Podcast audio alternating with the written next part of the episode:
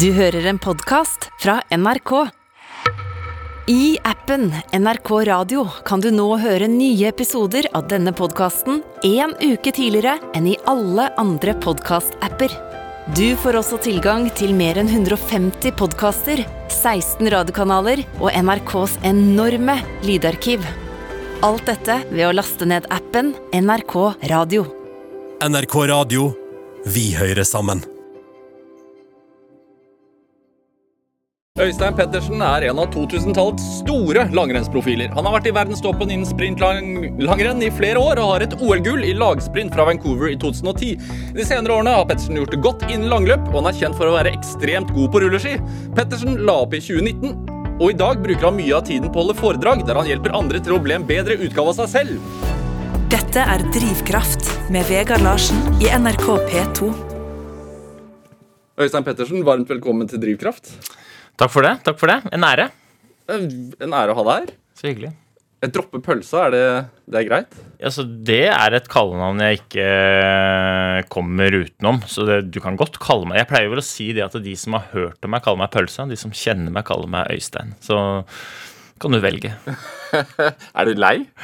Nei eh, Vær Altså, ærlig nå. Nei, altså, jeg er jo Det har ingenting med meg å gjøre. uh, men altså, det er som Du det er gikk, som trang, du gikk med en trang skidress en gang? Eller nei, noe ikke, sånt? ikke nødvendigvis noe trang skidress heller. Det er bare at jeg, skidresser er trange. Så det, jeg gikk med en skidress, og så fylte jeg den Jeg er litt sånn klumpete. Mer klumpete enn folk som ikke er klumpete. da. Og så ble det pølsa. Jeg, jeg tror jeg har det samme forholdet til det som Oddvar Brå har til historien om når han knakk staven. Liksom den derre det, det er en del av Oddvar, og pølsa er en del av meg. Og jeg, jeg kan fortelle denne historien på inn- og utpust, men vi dropper det. Ja. Det er ikke mobbing. Nei, det er ikke det. Altså, jeg har eh, Det har nok bidratt til at jeg har på en måte stikket meg litt ut, da. Ja. Eh, Men, utover, altså, men jeg tenker ikke så mye på det. Altså. Det går helt fint. Hvordan har du det? Jeg har det strålende. Takk. Det har vært uh, tidenes sommer, tror jeg. Og- Hva vil det si?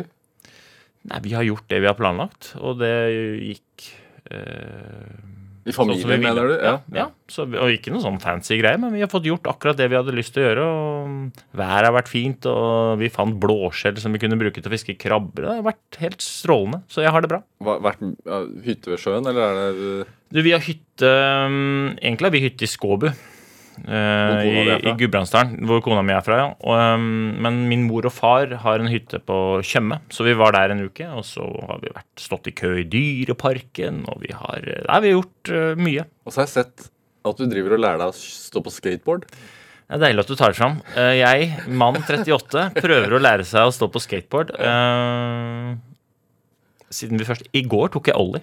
Er det sant? Ja, ja, Din første ollie. Ja, ja. Så det um... For de som ikke vet det, så betyr jo det at man klarer å få brettet til å uh, Hva skal man si? Ja, Øh, få det opp. Få det opp Ja, ja. sammen med føttene dine. Mm. Så det er jo det, er det eneste trikset jeg kan. Ollie.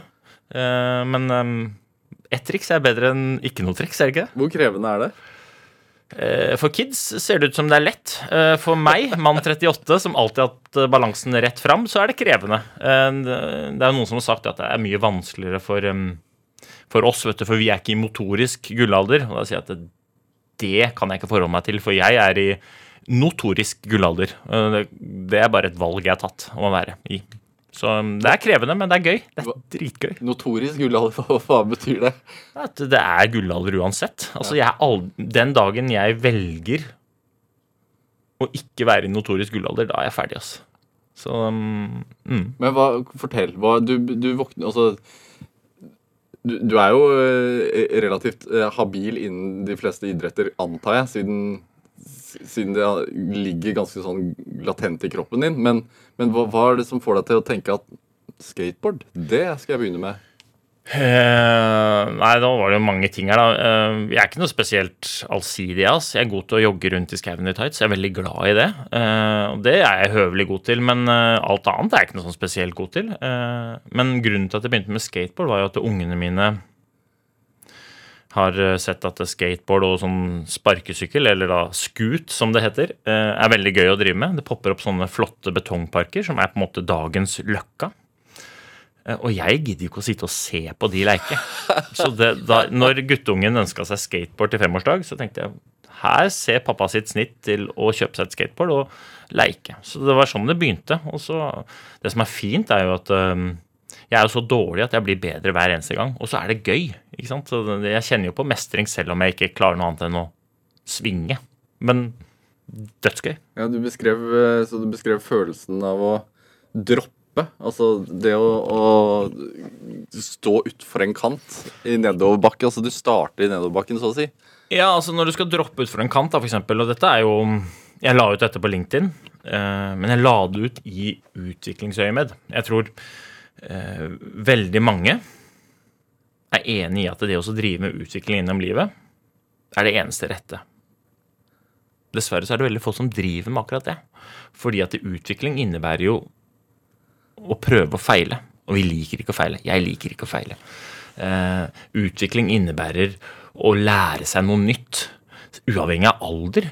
Utvikling er skummelt, fordi det kan gå den veien høna sparker.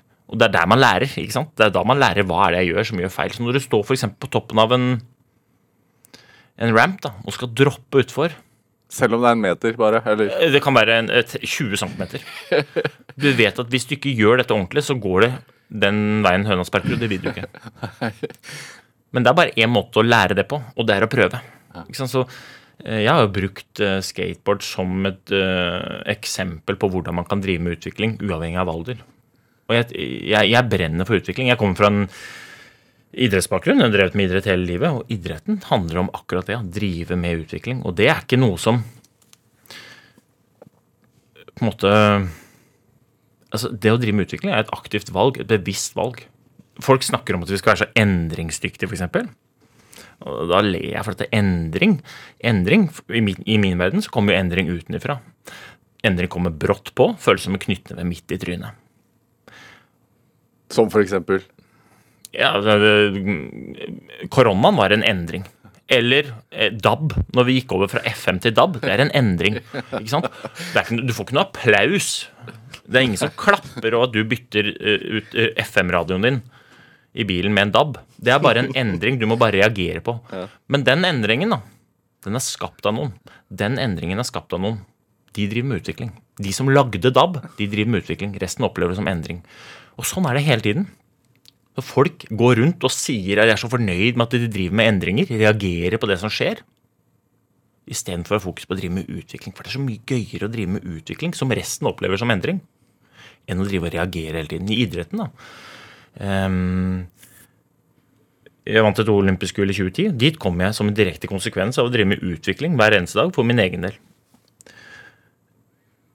2011 var det VM på hjemmebane. Jeg ble med 42 oppe i Holmenkollen her. sånn. Og det var jo bare fordi at jeg slutta å drive med utvikling. Begynte å vedlikeholde det jeg hadde. Og når jeg kom til øh, februar 2011, så ble det Jeg var jo ikke noe dårligere, men resten hadde drevet med utvikling. Jeg opplevde det som en endring idet jeg kryssa målstreken og så at jeg var nummer 42. Jesper Modin, som jeg hadde mosa i Vancouver-OL, han var fem-seks sekunder bedre enn meg. Han hadde drevet med utvikling, jeg opplevde det som endring. Og sånn er det hele tiden. Så skateboard, da, det er et be bevisst valg jeg tar om å drive med utvikling. Pushe den grensa. At det er ubehagelig, ja. At jeg tryner, ja. At jeg feiler, ja. At jeg lærer, ja. At jeg utvikler meg, ja. I går tok jeg ollie. Få det på. Ja, ja. Hva, skjer oppi huet ditt da, når du lander den oljeen? Jeg er jo ærlig på at jeg kjenner mestring. da. Jeg, jeg kjenner jo på den der euforiske gleden. Fy søren, nå er jeg på vei, og jeg skjønner jo Så det er ikke produktet produkt av liksom tapt ungdomstid, dette her? Nei, nei, nei, nei, absolutt ikke. Dette her handler jo om at jeg har lyst til å stå opp hver dag med liksom lidenskapen, mitt eierskap og liksom følelsen av å, å mestre noe. Og det tryggeste man kan gjøre, er selvfølgelig å ikke drive med utvikling. Det tryggeste man kan gjøre, er bare å gjøre akkurat det samme hele tiden. Men da går man jo glipp av alle de følelsene som skapes gjennom å klare den oljen da. Gjennom å lære, gjennom å prøve prøve, gjennom å jobbe noe over tid. Så jeg, jeg brenner for utvikling. Jeg gjør det, altså. Dette er Drivkraft med Vegard Larsen i NRK P2. Og i dag har vi tidligere, tidligere langrennsprofil Øystein Pettersen her hos meg i Drivkraft på NRK P2. Du sier, altså, våkner opp, og så tenker du utvikling? Når våkner du opp? Nei, når våkner jeg opp? Jeg Eh, våkner opp eh, Nå er jeg jo, er heldig å ha to små barn, da. Eh, eller de er ikke så små heller lenger, men jeg, vi våkner stort sett sånn mellom halv sju og sju. Da starter dagen. Um, ikke nødvendigvis at jeg tenker utvikling, men jeg er hele tiden opptatt av å være på vei noe sted. Men er du sånn Ny dag. Nye muligheter. Ja, jeg er det. Ik ik ikke, sånn, ikke sånn i naiv optimist eller gå rundt på en rosa sky og tenke liksom er, er alltid happy. Jeg også er, har dager hvor jeg er nedpå eller ikke er så gira. Men det jeg er veldig opptatt av, er jo også å skape mening. Ha en hverdag med mening. Ha en hverdag med litt sånn retning. Ha en hverdag hvor jeg står opp hver dag når klokka ringer og ikke har lyst til å slumre for å utsette dagen. Jeg har lyst til å stå opp hver dag og tenke ok, greit, nå kjører vi. Og da gjør jeg det jeg har planlagt for å komme dit vi har lyst til å komme. Um, Hvordan har du kommet dit? Har, er- du sånn fra, fra barndommen av, eller er dette noe du har lært deg? Nei, dette er jo, dette er jo idrettshode, kanskje, som tenker eh, og som jobber, eh, jobber um, hele tiden. Som jeg på en måte har lært det gjennom å være, være i en idrettskultur hvor det handler om hele tiden om utvikling, men òg handler om også eh, realisere mål og være på vei noe sted. Um, og det er veldig, veldig naturlig å tenke for eh, Jeg møter mennesker ute som liksom, det er helt naturlig at idrettsutøvere har mål. Eh, Det at de har mål, det er liksom det mest naturlige i hele verden. Men jeg lar meg overraske over hvis jeg hadde stoppa folk på gata og spurt de hva er målet ditt? Hvor er du på veien? Hvor er det du skal legge tid, energi, ressurser i i dag? Så folk etter, begynner folk å se seg rundt etter tilsynsvergen min. liksom. Men all verden er det du prater om? Jeg er opptatt med å være opptatt, og nå må du gå tilbake til ditt hamsterhjul, for at det har ikke tid til å prate med deg. Så det jeg er opptatt av, er jo også hele tiden ha en retning dit jeg skal. Og, og være opptatt med det, istedenfor å være opptatt med å bare holde ut eller å tilfredsstille alle kravene som stilles, eller det ene eller det andre. Så jeg, jeg tror det der er en sånn um, bevisstgjøring fra idretten sin, sin side. Eh, Og, og, og hvis man har et klart mål, da, hvis man har en klar retning, hvis man har noen klare suksesskriterier, og så angripe dagen etter hver dag, så er det så innmari mye lettere å skape de følelsene som jeg prater om rundt f.eks. utvikling. Fordi at eh, hvis man har et mål, hvis man har en klar retning å gå etter, så vet man jo òg hva man skal gjøre. Og så kan man òg evaluere om den innsatsen man gjør, faktisk bringer meg dit man har lyst til å komme eller ikke. Hvis man ikke har et mål, hvordan i all verden er det man skal kjenne på mestring? Hvordan i all verden er det man skal kjenne på mening? Hvordan i all verden er det man skal kjenne på framdrift? Altså, I mitt hode så går ikke det. Og derfor så lar jeg meg overraske over folk som ikke har en helt klar retning på hvor er det det er på veien, hva er det du skal gjøre i dag, hva, hva slags avtrykk er det du har lyst til å sette, hva slags bidrag har lyst til å komme med, hvem er du, hva står du for? Um, ja. så, så det er derfor jeg står opp hver morgen og er liksom ganske, ganske fornøyd, fordi jeg vet hva jeg skal, jeg vet hvor jeg skal, og jeg vet når jeg skal gjøre det, på hvilken øh, til hvilken tid og hvilken ambisjon lista ligger på. Hvor skal du, da? Mitt mål er å flåste. Mitt mål er å gjøre en forskjell. Og det er, det er vanvittig forskjell. Eh, Jeg har lyst til å inspirere folk til å implementere eh, idrettsmentaliteten. Og det er mange ting rundt idretten toppidretten, som ikke nødvendigvis er positivt, men en av de aller viktigste tingene idrettsutøvere holder på med, det er jo å bryte ned hva som skal til for å komme dit vi har lyst til å komme, i konkrete handlinger som de faktisk gjør.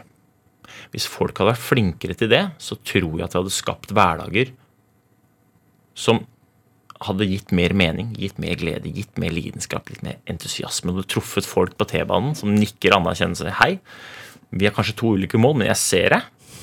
Og nå dundrer du av gårde. ikke sant? Den derre Jeg har vært heldig. Jeg har vært i, i, i toppidretten i mange år. Og de råeste jeg har vært borti, de jobber hardt. Hvem er det? Nei, det er mange. Det er så mange. De, de råeste jeg jobber, uh, har vært borti, de jobber hardt. Men nå tenker folk ja, men gidder du, eller, Pølsa? Jeg også jobber hardt. For det er akkurat det. ikke sant? Folk jobber hardt. Alle jobber hardt. Men de råeste, de jobber knallhardt med de tingene som skal til for å flytte de fra der hvor de er, til dit de har lyst til å komme. De råeste jobber innmari mye med bitte litt. Mens folk flest og dette kommer til å provosere, men folk flest gjør det motsatte. De jobber bitte litt med innmari mye. Bitte litt av innmari mye, det er oppskriften på å bli sliten. Innmari mye av bitte litt, Det er oppskriften på å få til det du har lyst til å få til. Men for å få til det, så må du i hvert fall vite hva du har lyst til å lykkes med. Men hvordan er en eh, Hvordan er en normal dag for deg da i, i, i din nye hverdag hvor du har ditt nye mål om å gjøre en endring? Jeg har lyst til å gjøre en forskjell. Ja. Og så bruker jeg nesten aldri ordet endring. okay, det, For at det kommer utenfra. ja. Så hvis jeg har lyst til å skape noe, så er det utvikling. nå. Eh, men en, en, en, en hverdag hos meg, den er eh, veldig dynamisk. Men den er alltid ganske full av handlinger mot de måla jeg har lyst til å ha. Men det kan være Som for eksempel? ja, det kan være, I sommer så handler det om å ha mest mulig tid til flokken. Så da kan en hverdag for meg handle om å tilbringe mest mulig tid med flokken uten distraksjoner. Og distraksjoner det er ikke mangel på fokus, men det er, distraksjoner er jo handlinger som fører til at jeg er mindre sammen med flokken. Så en, eh, i sommer så har det handla om å legge vekk telefonen i størst mulig grad og være mest mulig sammen med flokken. Om det er i køen i Dyreparken, eller om det er på et fjell, eller om det er øh, på brygge og fiske ei krabbe. Og da kan du legge deg om kvelden med god samvittighet over at du har nådd dagens mål? Ja. Klapper jeg meg på skuldra og sier 'bra jobba'. Og så har jeg En ting er jo at det er et mål, men en annen ting er at det er et mål jeg brenner for. Jeg har lyst til å være den pappaen som jeg har lyst til å være, og jeg har gjort det. Og det, det kjenner jeg anerkjennelse på. Akkurat samme som, på akkurat samme måte som eh, om det er en ollie eller om det er på jobb. Jeg har lyst til å huke av og gjøre de tingene som jeg har bestemt meg for å gjøre. Og så er det ikke alltid at resultatet blir så rått. Det er heller ikke alltid at ambisjonsnivået på målet er så veldig høyt. Altså en ollie Alle som kan ollie Det er ingen som, det, altså ingen som liksom, det, Korpset kommer ikke opp her når jeg sier jeg har tatt en ollie. Men utvikling handler ikke om å forandre eller utvikle verden, men det handler om å utvikle din verden. Og det er to ulike ting. Altså eh, det, å, ha en klar agenda for hver dag, det tror jeg er viktig. For da kan du faktisk huke av da, når du har gjort de ulike tingene, og kjenne på den mestringen. Men da igjen handler det om å ikke ha altfor mange ting på agendaen. Sånn at du ikke er opptatt med å være opptatt, men er opptatt med å skape verdi. Det å ha som målsetning om å ha fullt fokus på, på flokken, da, altså de nærmeste familien. Mm. Hvor, hvor, hvor lett var det når man var toppidrettsutøver?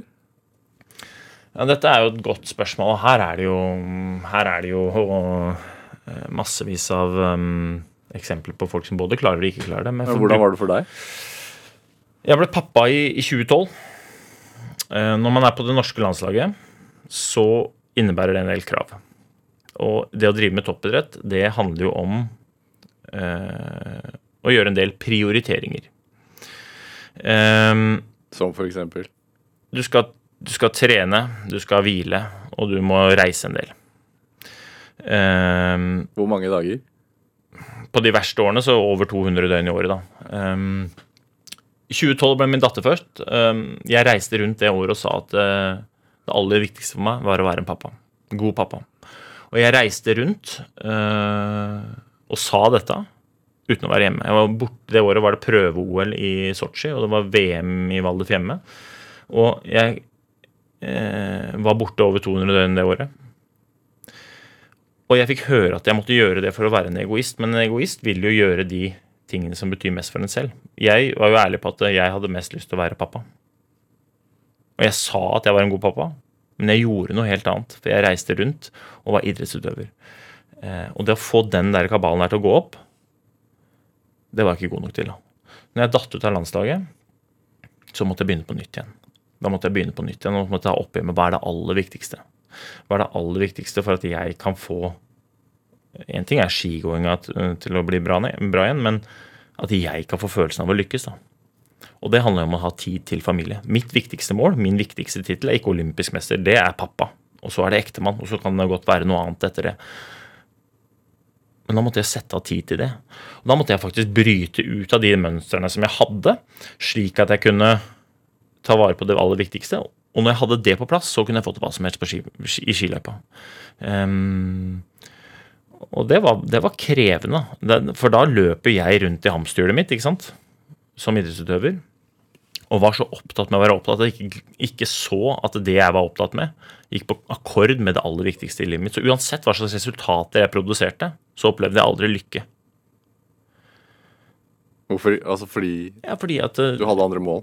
Ja, det er viktigere mål. Det er viktigere ting enn en medalje eller en plassering i et skirenn på en resultatliste. Eh, så eh, Hvordan er det da, som utøver? Å ha den følelsen i kroppen? Nei, Den er håpløs, men den tror jeg det er mange som kjenner på. Jeg tror det er mange som kjenner på følelsen av å være opptatt. Jeg tror det er mange som løper rundt i hamsterhjulet uten å nødvendigvis være- vite helt hvorfor man løper der. Og dette er en krevende prosess for å komme seg ut av det. Ta det derre ta det der stopp og si jeg må få perspektiv på tingene dine. Jeg må sette hverdagen i nytt lys, og så agere det på nytt. da. Eh, Og dette handler jo om Jeg tror dette handler om at vi som samfunn, eller i hvert fall jeg føler, at vi som samfunn har forelska oss i et sånn suksessbegrep som egentlig ikke er suksess. Vi jager status, vi jager prestisje, vi jager OL-medaljer, vi jager ditten og vi lager datten. Og forstå meg rett, et OL-gull, da, for eksempel, det er et fantastisk resultat. Altså, det er det råeste du kan gjøre som idrettsutøver. Det er et fantastisk resultat som en direkte konsekvens av masse valg og masse handlinger du har gjort. Men det har ingenting med suksess å gjøre. For suksess handler om den følelsen du har når du legger deg på senga etter en dag. Og hvis du da har vunnet et OL-gull, men kjørt over de rundt deg, så betyr ikke den OL-medaljen dritt. Og folk rundt deg ser på deg som en suksess, for du har vunnet den OL-medaljen. Men det handler ikke om det, altså. Sorry. Og forstå meg rett, jeg er glad i gode resultater. Jeg er glad i gode prestasjoner. Men jeg er aller mest opptatt av at folk skal gå rundt og lykkes, gå rundt og føle suksess. Men da må man faktisk stikke fingeren i jorda og si hva er det som betyr noe for meg? Hva er det jeg bruker tida mi på, og hvordan er det jeg klarer å oppfylle de suksesskriteriene som jeg selv har satt? Men da du vant OL-gull i 2010, mm. følte du ikke at du var en suksess? Altså, øh, jeg vant jo OL-gull. Det var to år før, før jeg ble pappa, da. Ja. Jeg, uh, Så hadde du bare deg sjæl nesten å tenke på. Ja. Og OL-gull, fantastisk. Altså, det er uh, um, det, det er fantastisk å lykkes med noe. Men følelsen av å vinne et olympisk gull, den er akkurat lik som å ta en ollie. Jo, det, her mener jeg. Jo, det her mener jeg. Fordi at det, liksom, Den følelsen av mestring, glede, den er lik. Det er klart at bak et OL-gull ligger det mer jobb enn en ollie. Men følelsen isolert sett Jeg har sett deg juble etter OL-gullet. Det ikke Ja, men du så ikke meg når jeg tok ollie i går. Det var jubel, det, altså. Eh, men det som er gøy med det, da, er jo at eh, den følelsen du har der og da, den går over. Ikke sant? Eh, og jeg kan si med hånda på hjertet, jeg har aldri vært så demotivert som dagen etter et olympisk gull. Og grunnen til det er jo fordi at jeg hadde bytta vekk en hverdag hvor jeg hele tiden hadde jobba mot å ha et mål. En hverdag som ga meg masse mening, masse fremdrift, masse motstand, masse utvikling, masse læring. Med en medalje som lå på nattbordet ved siden av meg. Det jeg hadde bytta vekk, i bytte mot den der medaljen, var det jeg kaller for moment. Moment, det er følelsen av å være på vei dit du har lyst til å komme. Moment heller bensin ned i alle de følelsene som jeg har lyst til å ha. Altså motivasjon, f.eks. Motivasjon brenner i moment. Motivasjon tennes av bensinen som helles fra moment. Og hver dag jeg gjør noe som jeg har bestemt meg for å gjøre, for å komme dit jeg har lyst til å komme, så fueler jeg det der bålet sånn skikkelig. Det er i moment hverdagsgløden ligger. Det er i moment eierskapet ligger. Det er der energien, entusiasmen, lidenskapen ligger. Og jeg bytta vekk momentet mitt med det olympiske gullet. Så dagen etterpå så følte du deg som virkelig ikke som en suksess? Nei, for jeg visste ikke hva jeg skulle gjøre. Og det spilte ikke noen rolle om jeg spilte en, øh, et slag bordtennis, om jeg jogga meg en tur, eller om jeg hoppa litt på øh, stuegulvet. Jeg hadde plutselig ikke noe mål lenger. Hva er det jeg skal, legge, hva er det jeg skal bruke tida mi på? Hvor er jeg på vei? Neste, neste gull? Er det ikke sånn man holder på, da? Jo, det er, det er kanskje det men det, det her handler jo om å måte sette seg nye utviklingsmål. da, For å sørge for at man bevarer momentet. Når jeg treffer folk som er umotivert, f.eks., så treffer jeg ikke folk som ikke vil. Jeg treffer jo ikke folk som ikke evner. Men jeg treffer, hvis jeg da spør de, men i all verden, men hvor er du på vei hen? Nei, det vet jeg ikke. Det er så mye nå. Jeg er så opptatt med elev. Jeg treffer folk som har mista momentet sitt. For jeg mener helt alvorlig at motivasjon, det må du skape. Motivasjon må skapes gjennom moment. Og moment fordrer alltid handling og bevisste valg. Bevisste handlinger, bevisste valg. Og jo større moment du klarer å skape, desto mindre vil motivasjonsbålet være noe problem. Det er ikke noe, det er ikke noe farlig å være umotivert. Det er bare et fantastisk signal om at nå må du sette deg ned med tegnebrettet, finne ut hvor du er, hvor du har lyst til å komme, og så er det bare å begynne å gjøre. Jeg mener helt alvorlig at det er bare én handling unna moment. Og moment er alt du søker. Altså hvis du Er det litt sånn at hvis man er i en Hvis jeg bruker meg selv, altså hvis jeg er i, hvis jeg er i en god sånn treningsperiode, Mhm. så, eh, så er det enklere å gå og trene dagen etterpå. Hvorfor? Nei, er det det du da definerer som moment? Da Ja. har jeg et treningsmoment. Ja, eller altså, du har hvis, hvis da treningen betyr noe for deg, og du har planlagt nå at i morgen så skal jeg ut og trene, jeg skal løpe 30 minutter. Men hvis jeg står over en uke, så er det vanskeligere å Ja. komme tilbake igjen. Hvorfor? Fordi du mister momentet ditt. Og ikke bare momentet, men si at du har planlagt da, at du skal trene i morgen, men så dropper du det. Så mener jeg at du bryter ned selvtillit. Selvtillit, tillit til at du gjør det du har bestemt deg for å gjøre, når du har bestemt at du skal gjøre det du skal gjøre. Og hvis du bryter ned selvtilliten din, og det står på planen at på onsdag skal jeg løpe, En så liten ting. ja. Onsdag løper jeg. Men så vet du at nei, men jeg er jo en sånn egentlig ikke bryr meg så mye om det. Så, så, bryt, og så blir det en sånn negativ spiral. da. Og effekten er at du mister momentet. Og hvis momentet fueler alle følelsene du er ute etter, så ender det opp med at det, det motivasjonssporet ditt, det, det visner. Eh, lidenskapen din, det visner. Meninga di, det visner. Så det handler om å finne de måla som du har lyst til å få til, sette det inn i system og begynne å gjøre, for da får du momentet. Men er, er det så enkelt, da? Nei, det er ikke enkelt i det hele tatt. Men det er sinnssykt kraftfullt. Enten du vil eller ikke, så vil valgene du tar, påføre litt smerte. Enten så gjør du det som skal til for å komme dit du har lyst til å komme, går over dørstokkmila, skaper momentet. Og det koster krefter. Er litt smerte der. Men effekten er jo positiv. Eller så velger du den andre veien. Ikke gjøre det du har bestemt deg for å gjøre. Fortsett å løpe rundt hamsterhjulet. Og det er òg en smerte, men den varer mye lenger og er mye kjipere. For det er noe sånn Da er du bare sliten. Da er du bare Du bryter ned selvtilliten. Du mister motivasjonen din, du mister meninga, du mister gleden, du mister gløden.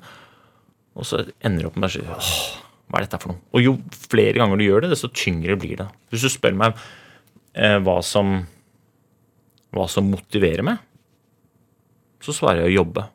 Hvorfor? For at det å jobbe mot de tingene jeg har lyst til å få til, ivaretar momentet mitt. Og det er, det, det er, det er der alt jeg, alt jeg søker, ligger. Hvis du spør meg hva jeg frykter, så er det å våkne opp en dag uten mulighet til å skape moment. Og det handler om at jeg alltid må ha et sted å være på vei. Har du følt på det noen gang? Ja, eksempel første, um, første dagen etter OL-gullet.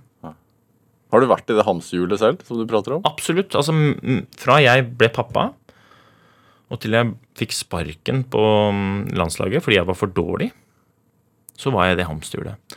Da var jeg opptatt med å tilfredsstille alle kravene som ble satt rundt meg. Jeg ble opptatt av å jage disse tingene som jeg og vi som samfunn har forelska oss i rundt suksess. Gode resultater, få lov til å komme på det og det eh, TV-programmet, den og den eh, bilen, ikke sant. De tingene der. Og så løp jeg rundt. Eneste jeg følte, var bare at jeg ikke strakk til på noen arena. Jeg var bare sliten. Jeg ble dårligere pappa. Jeg ble dårligere skiløper. Og til slutt så var jeg heldig og fikk sparken. Ikke sant? Jeg er jo heldig. Jeg driver med toppidrett, og hvis ikke du er god nok, kan du bare pakke sakene dine og dra hjem, for vi har ikke bruk for det. Men så du på det sånn, at du var heldig som fikk sparken? Ikke der og da. Altså, jeg vil jo helst fortelle, at folk forteller meg det jeg vil høre, ikke det jeg trenger å høre. Ja, for jeg har sett deg i 71 grader nord, f.eks. Ja. Konkurranseinstinkt, det har du. Ja, er, jeg har prestasjonsbehov. Jeg lurer på om jeg har brukt opp konkurranseinstinktet. Men jeg har veldig behov for å prestere godt. Det har jeg. Hva er forskjellen? At jeg takler resultatet. Så lenge jeg presterer godt, så takler jeg det uansett hva slags resultat det blir. Men hvis jeg har et veldig konkurranseinstinkt, så handler det om å vinne for enhver pris. Ja. Holdt du på å drepe Atle Pettersen på veien oppover fjellsidene der mot slutten? Ja, men det er fordi at han sa at nå går vi så hardt som overhodet mulig, og jeg forteller deg når det går hardt nok, så det får Atle ta på sin egen kappe. Eh, Men, eh, men jeg, jeg, jeg syns disse mekanismene er spennende, da, fordi at um, det derre momentet, det, det er så viktig, og den derre følelsen av å lykkes ligger i momentet. Eh, Og jeg mener helt alvorlig at vi har forelska oss i et feil begrep rundt det å lykkes. For jeg mener at det, det å ta et olympisk gull eller å skape fantastiske resultater, det er gøy. Men det har ikke så mye med å lykkes å gjøre. Og så kan du se på OL nå.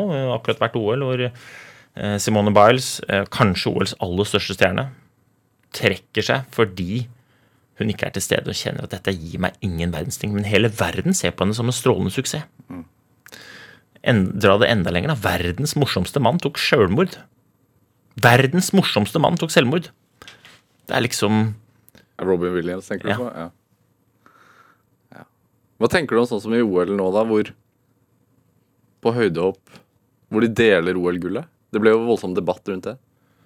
Eh, Altså, jeg, skal ikke, jeg vet ikke hva de tenker. Eh, Jeg som idrettsmann tenker at det var raust gjort, samtidig som jeg skjønner at jeg hadde lyst til å, eh, å vinne gull aleine. Men jeg tenker at um, uansett hvordan det der hadde endt, da Nå ser vi jo på de som begge blir sett på med suksess. Men jeg mener jo at de hadde jo lykkes uansett. For de hoppa jo sesongbeste begge to. Og i idretten så er det jo sånn at bare én kanskje kan vinne, fordi vi måler hverandre ut ifra prestasjon. Men sånn er det jo ikke i samfunnet ellers. Jeg mener helt alvorlig at det å vinne, det er for absolutt alle. Men for å vinne, så må du vite hva det betyr for deg. Og det kan være å skru av telefonen og være sammen med flokken resten av dagen, liksom. Da kan du legge deg og tenke 'bra jobba'. Istedenfor å være opptatt med å være opptatt. av. Eh, Øystein Pettersen, vi, vi skal spille litt musikk. Og jeg vet at øh, altså, du, du har med en låt, også 'Badlands' fra Bruce Springsteen. Eh, og Der er det et sitat i den låten som du er glad i. Ja, dette går jo på akkurat det, da. Um, han synger vel der at uh, Poor man wants to be rich, rich man wants to be king, and the king ain't satisfied till he rules everything. Og det er jo, det er jo kjernen i det budskapet jeg har rundt suksessbegrepet, da, som er feil. For at det, uansett hvor høyt du hopper, uansett hvor mye penger du tjener, uansett hvor mye, mange medaljer du uh, vinner, så er det alltid noen som har det mer. Og hvis det er det som er kriteriet for suksess, så er det én som lykkes, og så er resten tapere, og det nekter jeg å gå med på.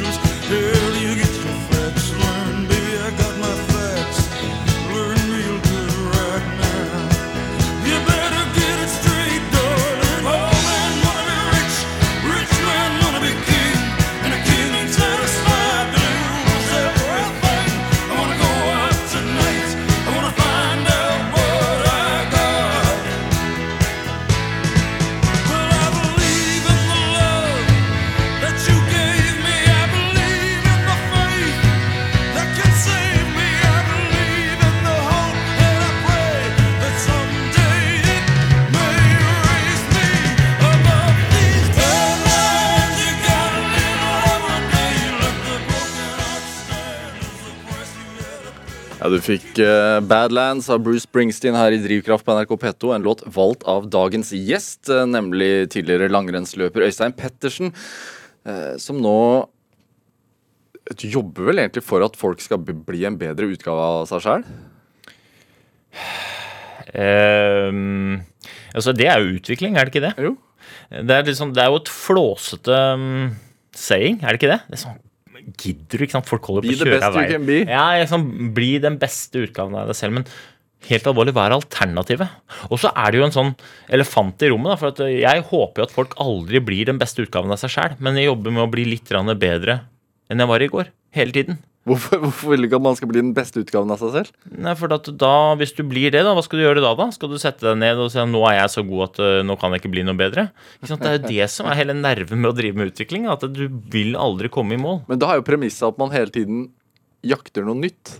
Akkurat, ikke sant? Så du Målet er Eller visjonen er jo å bli den beste utgaven av seg selv. Målet er å bli litt bedre enn jeg var i går. Og hvis man klarer det, da tror jeg du er på vei, da.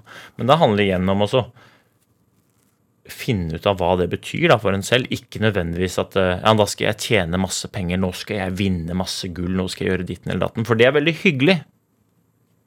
Men det finnes viktigere personlige egenskaper enn å vinne olympisk gull. For det, det sier ikke noe om hvem du er og hva du står for. Det sier bare noe om hvor god du er til det du holder på med. Er, er det egentlig en erfaring du har gjort deg fordi at et, altså, det å være på toppen av pallen ikke nødvendigvis er eh, det samme som lykke?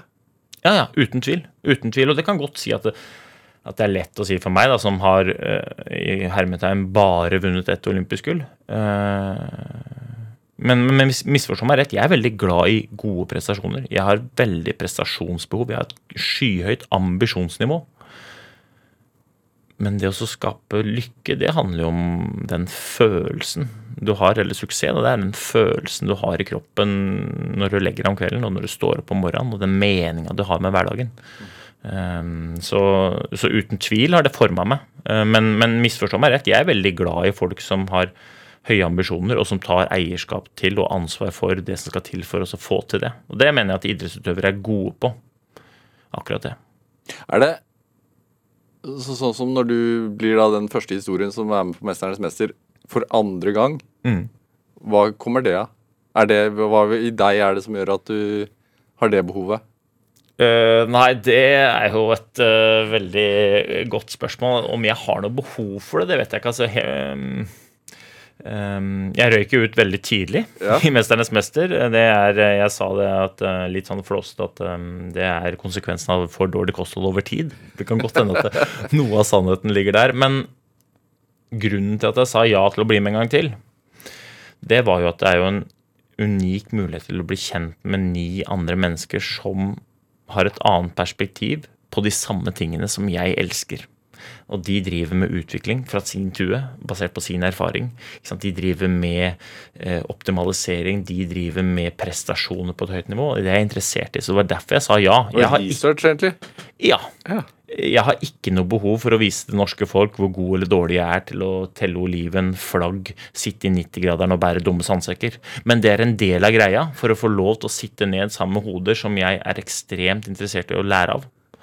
Så da gjør jeg det. Altså, jeg kunne båret sandsekker hele dagen, jeg. Så lenge jeg kunne fått tatt de samtalene med de folka som jeg fikk. Både eh, under den sesongen som kommer nå, og den som var i fjor. Men du blir glad når du vinner, da? Altså så når du vinner et uh, etappe, eksempel, der, eller hva, en, en av konkurransene? Man blir glad når man presterer godt. Ja, ja. Jeg er så sjukt opptatt av det. da For, ja, men Hvis det er sånn at eh, Hvis man må vinne for å så føle den lykkerusen, da må jeg slutte med skateboard. For jeg kommer aldri til å slå de kidsa som jeg så surfa rundt i OL. liksom Da må jeg slutte med alt, for jeg kommer aldri til å bli verdens beste i noe. Det, sånn er det for de aller fleste. Men det handler ikke om at det å lykkes ikke er for deg. Det handler om at det er alltid noen der ute som er bedre. Men det du må ha fokus på, du innleder med det selv. Bli den beste utgaven av deg sjøl, sa du. Ja, det er akkurat det det dreier seg om. Er det, hvordan var unge Øystein Pettersen, som vokste opp i Groruddalen her i Oslo? Ja, nei, det burde vel sikkert foreldrene mine svare på, da, men øh, jeg vokste opp i Groruddalen.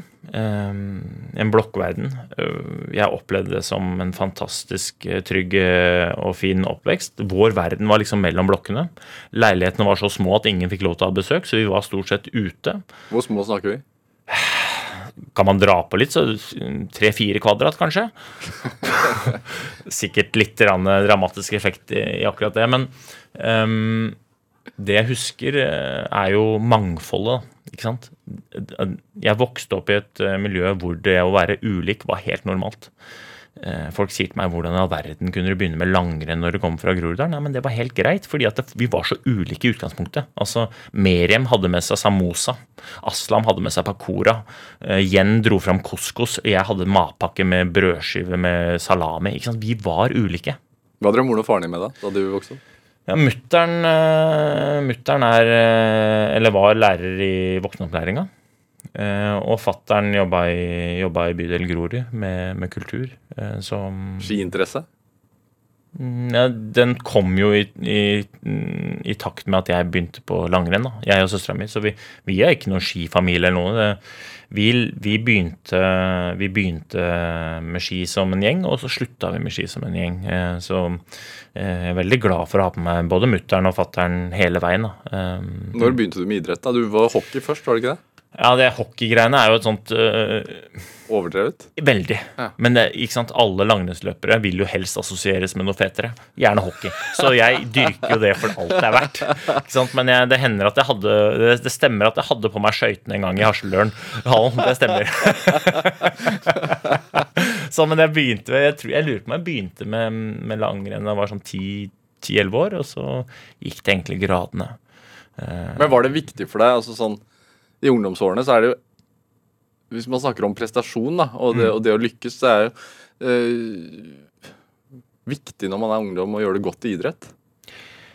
Viktig å For å passe inn, rett og slett. Ja, ja, ja, ja men Er du, god i fotball, er du god i fotball, så trenger du ikke å kunne lese, for å si det sånn. Altså, ja, vi, Men igjen, da vi kom fra et område det var liksom det var så, vi, var så, vi var så ulike. Så, så lenge vi var trygge på det vi sto for, så var det egentlig greit. Og jeg, jeg tror ikke jeg tenkte så mye over det. Men jeg, hadde, jeg kom inn i en veldig fin eh, langrennsgruppe. En liten langrennsgruppe. Jeg var minst, jeg var dårligst. Og jeg, det eneste jeg kunne gjøre, var å på en måte prestere best mulig og, og drive med utvikling. Da. Så det, det har nok tatt med meg og, og forma meg veldig mye. Da. Men hva, Var det ditt eget initiativ liksom, å begynne med det? Nei, det var fattern som syntes at det var dølt at uh, Hasleløren hadde hockeytrening klokka åtte på lørdagsmorgenen. For han er ikke interessert i hockey, og ikke interessert i å sitte inne i helga i en hall når vi kunne være ute i skauen.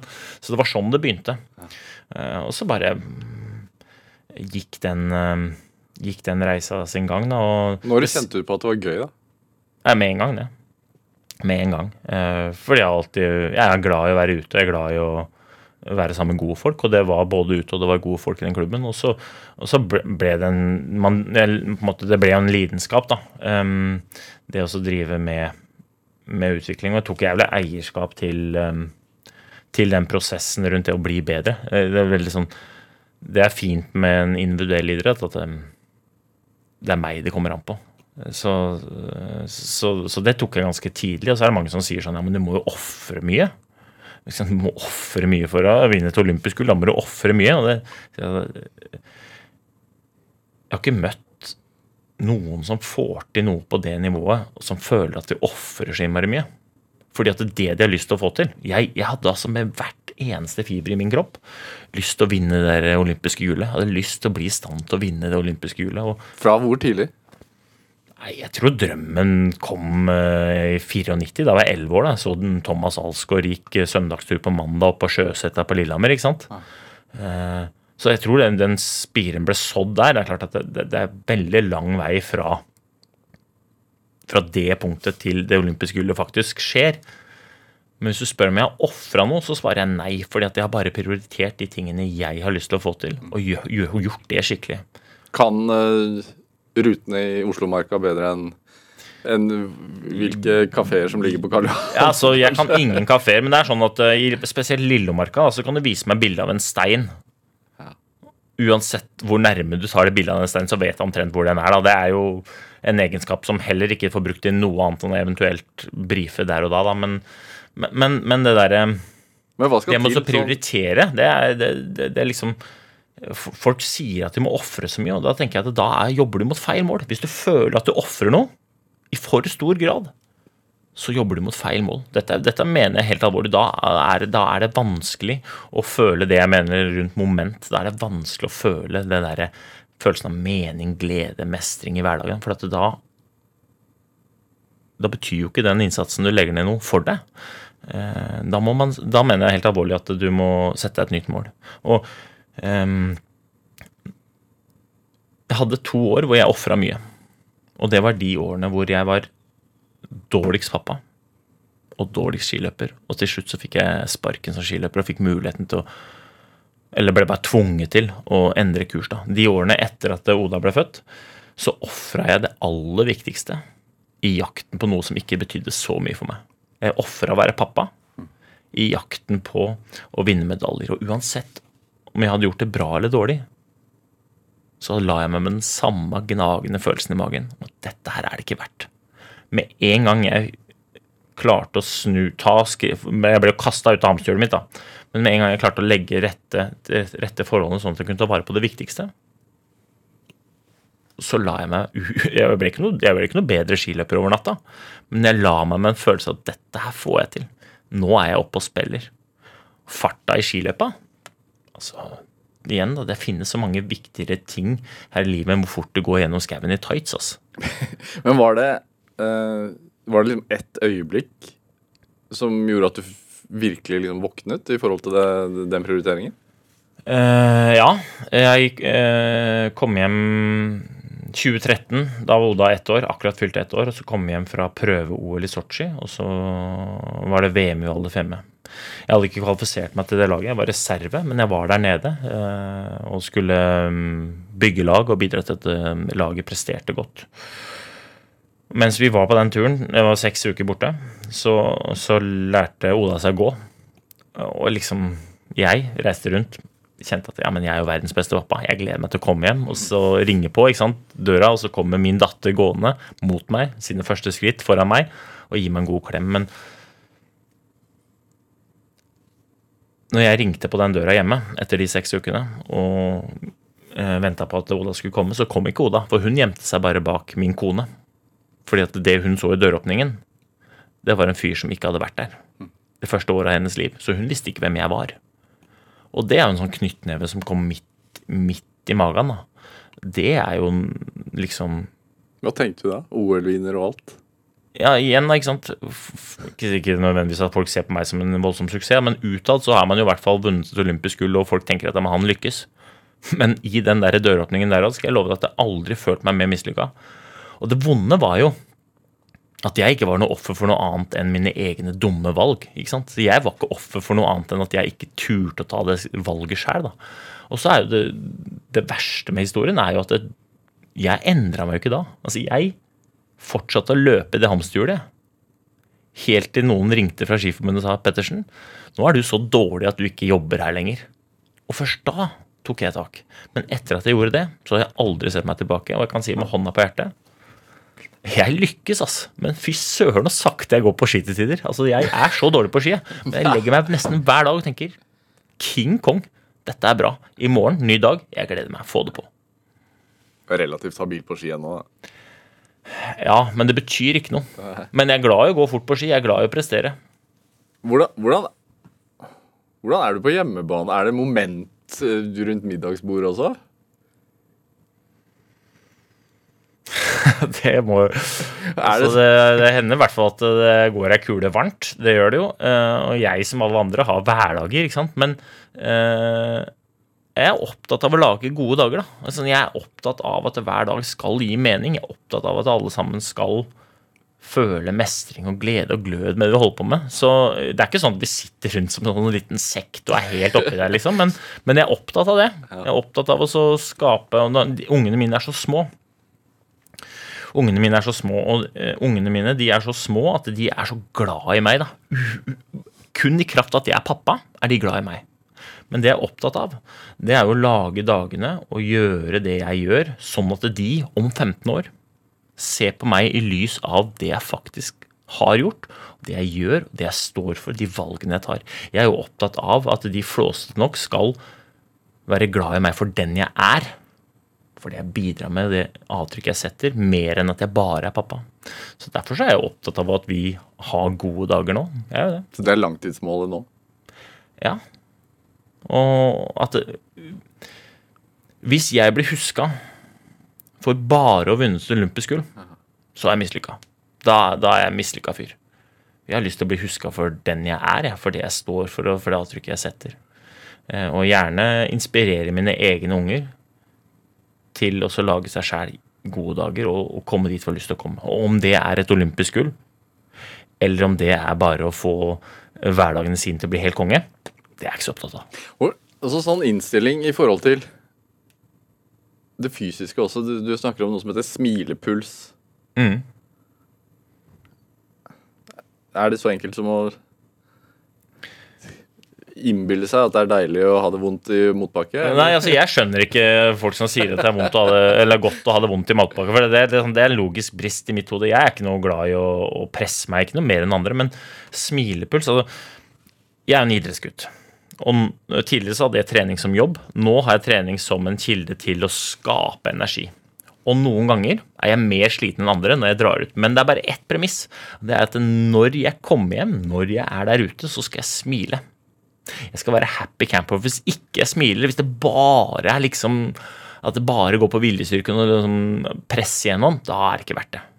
Så smilepuls det er jo bare den intensitetsskalaen som jeg har nå.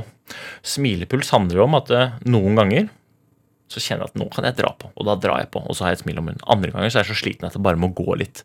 Men smilet er det samme, for jeg er ute og gjør greia mi sånn som kroppen sier at jeg skal gjøre. Så eh, jeg er ikke noe sånn sjuk fyr som reiser rundt og sier nå løper jeg opp på et fjell, og det er helt konge. Og hvis jeg er kjempesliten, så går jeg meg en tur. Og så hører jeg på en podkast eller på noe musikk, og så koser jeg meg. Kan man tvinge seg selv til å ha smilepuls? Ja, det tror jeg bare er et bevisst, eh, en bevisst handling. Altså, hvis det er det som er For de fleste av oss, de som ikke har trening som jobb, vi er jo ute etter de positive effektene av å være i aktivitet. Og kroppen forteller deg akkurat hva slags aktivitet den trenger i forhold til intensitet. Og så er det vanskelig liksom, Du kan godt kjøpe en fancy pulsklokke, men hvis treningsprogrammet ditt sier at du skal ha en viss puls og ikke kroppen orker, drit i det. Kjenn heller på følelsen, kjenn på smilet. Kjenn på liksom, Når jeg treffer folk og jeg jogger, og jeg ser at de gløder i øya, de smiler til meg og nikker anerkjent hei, hei, da tenker jeg da, da er du midt i sweet spoten på, på smilepuls. Så folk som jakter på sånn Strava-resultat og sånn Jeg jeg skal ikke moralisere over det, jeg. Altså, kjør på. Så lenge det er smilepuls for de, så er det helt konge, det. Eh, Men det er ikke alltid det er det for meg. Altså. Helt ærlig. Jeg er, noen ganger er jeg kjempesliten. er du, Holder du på med det selv, da? Ja, Altså, jeg er på Strava, jeg, og det er bare å følge meg. Jeg legger ut alt, også når jeg løper kjempesakte. Men vit at alle turene jeg har, jeg koser meg. Maks.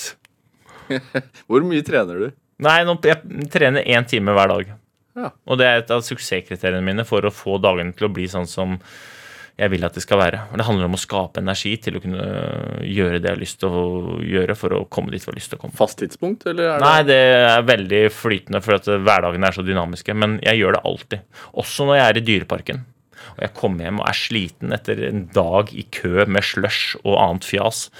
Så jogger jeg meg 40 minutter oppe på rundt Sørlandsparken kjøpesenter og koser meg når jeg kommer hjem. Er det rett og slett endorfiner, eller er det en vane? moment. Eller moment? Du må moment. gjøre det. Ja, det er moment. Jeg, jeg er livredd for å miste momentet. For den dagen jeg mister momentet, så har jeg ingenting som fyller opp eh, motivasjonen og lidenskapen og energien. Hva om man blir skadet, da? Ja, men da, det, altså Moment trenger ikke handle om fysisk trening. Moment handler bare om å gjøre det som skal til for å komme til lyst til å komme. Så den dagen du blir skada, så setter man seg et nytt mål for å komme seg tilbake igjen. Og så begynner man å gjøre masse av det. Og da får man moment der. Så det spiller ingen rolle. Har du sett eller opplevd at folk rundt deg har mistet moment? Ja, mange ganger. Absolutt. Jeg mista det selv. Jeg vant et olympisk gull, våkna opp dagen etter uten moment. Hva sier du til de, da? Jeg sier at det er ikke noe farlig. Den, det er ikke noe farlig å være umotivert. Det er ikke noe farlig å å være umotivert. Du må bare finne et nytt mål, begynne å handle, sånn at du skaper momentet. Den dagen du skal være bekymra, det er den dagen du våkner opp og er likegyldig. Det er verre. Broren til umotivert heter likegyldig. Han må du kvitte deg med. Men det å være umotivert er ikke noe farlig. Da må du bare sette deg ned ved tegnebordet og se hva har du lyst til. Hva har du lyst til å få til? Hva slags avtrykk har du lyst til å sette? Konkretisere det, og så begynne å gjøre det. Begynne å sette de avtrykkene. Så mener jeg helt alvorlig at da skaper du moment. Og i momentet så ligger alt det du søker. Er sånn likegyldighet, er det Kan det være en kort vei fra den gullmedaljen til likegyldig? Nei, det tror jeg ikke. Nei. Nei, det tror jeg ikke, fordi at det, det ligger så mye bevisste handlinger og valg og så mye forming av um, personlighet bak det å være i stand til å vinne et olympisk gull at uh, ikke er likegyldig. Men det er veldig mange som blir umotivert. Og som ikke ser poenget med å finne et nytt uh, mål, fordi at de allerede oppnådde det største. Og Det er derfor jeg sier at suksess handler ikke om å vinne olympiske gull. Fordi at da er det bare liksom Når det er helt på toppen at du føler suksess. Suksess handler om den følelsen du har i kroppen gjennom dagen og når du legger deg. Og så kan gode resultater være en del av konsekvensen av å lage de dagene best mulig. Øystein Pettersen, programmet heter jo Drivkraft, og vi har jo pratet om din drivkraft egentlig en time nå. Men hvis du skal oppsummere, hva tenker du at det er? Det er moment. Ja. Enkelt og greit. Altså, jeg drives av moment, og så vet jeg at bak moment så ligger liksom alt. da. Det er jo følelser. Ikke sant? Jeg har lyst til å gå rundt og føle meg bra. Det, mm, og på den veien så håper jeg å skape fantastiske resultater, men det er ikke derfor. Hva er neste utfordring for deg, da? Jeg skal skrive en bok. Jeg skal gi ut en bok på eget forlag. Målet er å gjøre en forskjell. Og jeg jobber hver dag med den boka. Og jeg lærer så mye, og jeg driver med utvikling, og det, ja. Det er neste mål. Hva er vanskeligst? Er det å vinne olympisk gull, eller er det å skrive en bok når du er i denne prosessen du er nå? Nei, Det er i hvert fall akkurat samme type prosess. Det er akkurat samme metode. Og det her mener jeg jo helt alvorlig igjen. Da, ikke sant? Nøkkelen for å lykkes den er universell. Uansett hva du har lyst til å lykkes med, om det er et olympisk gull, om det er å skrive en bok, eller om det er å bli en god mamma eller pappa. Nøklene for å lykkes, de er helt like. Du må sette deg, du må ha en side om dagen. Eh, så du får eh, Nå skal jeg skrive ferdig boka, og så kan du lese den. Ja, ja, ja, ja, ja, ja. Øystein Pettersen, tusen takk for at du kom hit til Drivkraft. Takk skal du ha. Hør eh, flere samtaler i Drivkraft eh, på nrk.no eller eh, på NRK-appen, eller last oss ned som podkast. Send oss også gjerne ris og ros og tips til mennesker du mener har drivkraft. Send en e-post til drivkraft, krøllalfa, nrk.no. Researcher og produsent i dag, det var Kjartan Aarsand. Nå får du straks siste nytt fra NRK Nyheter her i P2. Jeg heter Vega Larsen. Vi høres. I appen NRK Radio kan du nå høre nye episoder av denne podkasten en uke tidligere enn i alle andre podkast-apper. Du får også tilgang til mer enn 150 podkaster, 16 radiokanaler og NRKs enorme lydarkiv. Alt dette ved å laste ned appen NRK Radio. NRK Radio. Vi hører sammen.